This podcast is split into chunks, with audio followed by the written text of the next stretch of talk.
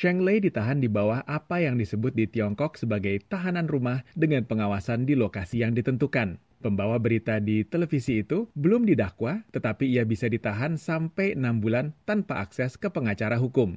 Cheng bekerja sebagai penyiar berita dan reporter untuk jaringan televisi China Global Television Network atau CGTN selama 8 tahun terakhir. Video yang menampilkan reporter terkenal itu telah dihapus dari platform media online dan halaman media sosial. Australia secara resmi diberitahu tentang penahanannya pada pertengahan Agustus. Sebuah pernyataan dari Menteri Luar Negeri Australia, Maurice Payne, di Canberra mengatakan para diplomat diizinkan berbicara dengannya minggu lalu melalui tautan video. Menteri Perdagangan Australia, Simon Birmingham, mengatakan pemerintah akan melakukan apa yang bisa dilakukan untuk membantunya. I feel for her family very much at this point in time, and it's why we will do what we can to. Saya bisa merasakan apa yang dirasakan oleh keluarganya saat ini, dan itulah sebabnya kami akan melakukan apa pun yang kami bisa lakukan untuk membantunya, seperti yang kami lakukan untuk warga Australia dalam keadaan seperti ini. Ada sejarah panjang kasus konsuler yang berbeda dan kesulitan yang kami lihat selama bertahun-tahun. Jadi, kami seharusnya tidak melihat kasus ini sebagai yang pertama atau satu kali saja. Ini menyangkut keluarganya, dan kami akan memberikan bantuan semampu kami.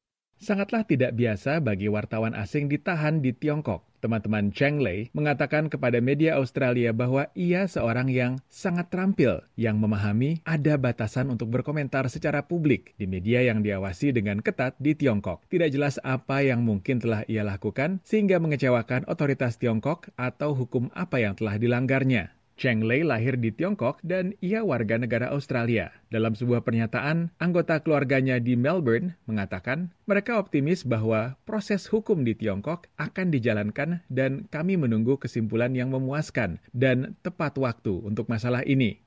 Ia adalah warga Australia kedua yang ditahan di Beijing. Sebelumnya, penulis Yang Hengjun yang sedang diselidiki atas dugaan mata-mata ditahan sejak awal 2019. Pada bulan Juli, Canberra memperbaharui informasinya untuk warga Australia yang bepergian ke Tiongkok, memperingatkan bahwa mereka bisa berisiko ditahan secara acak.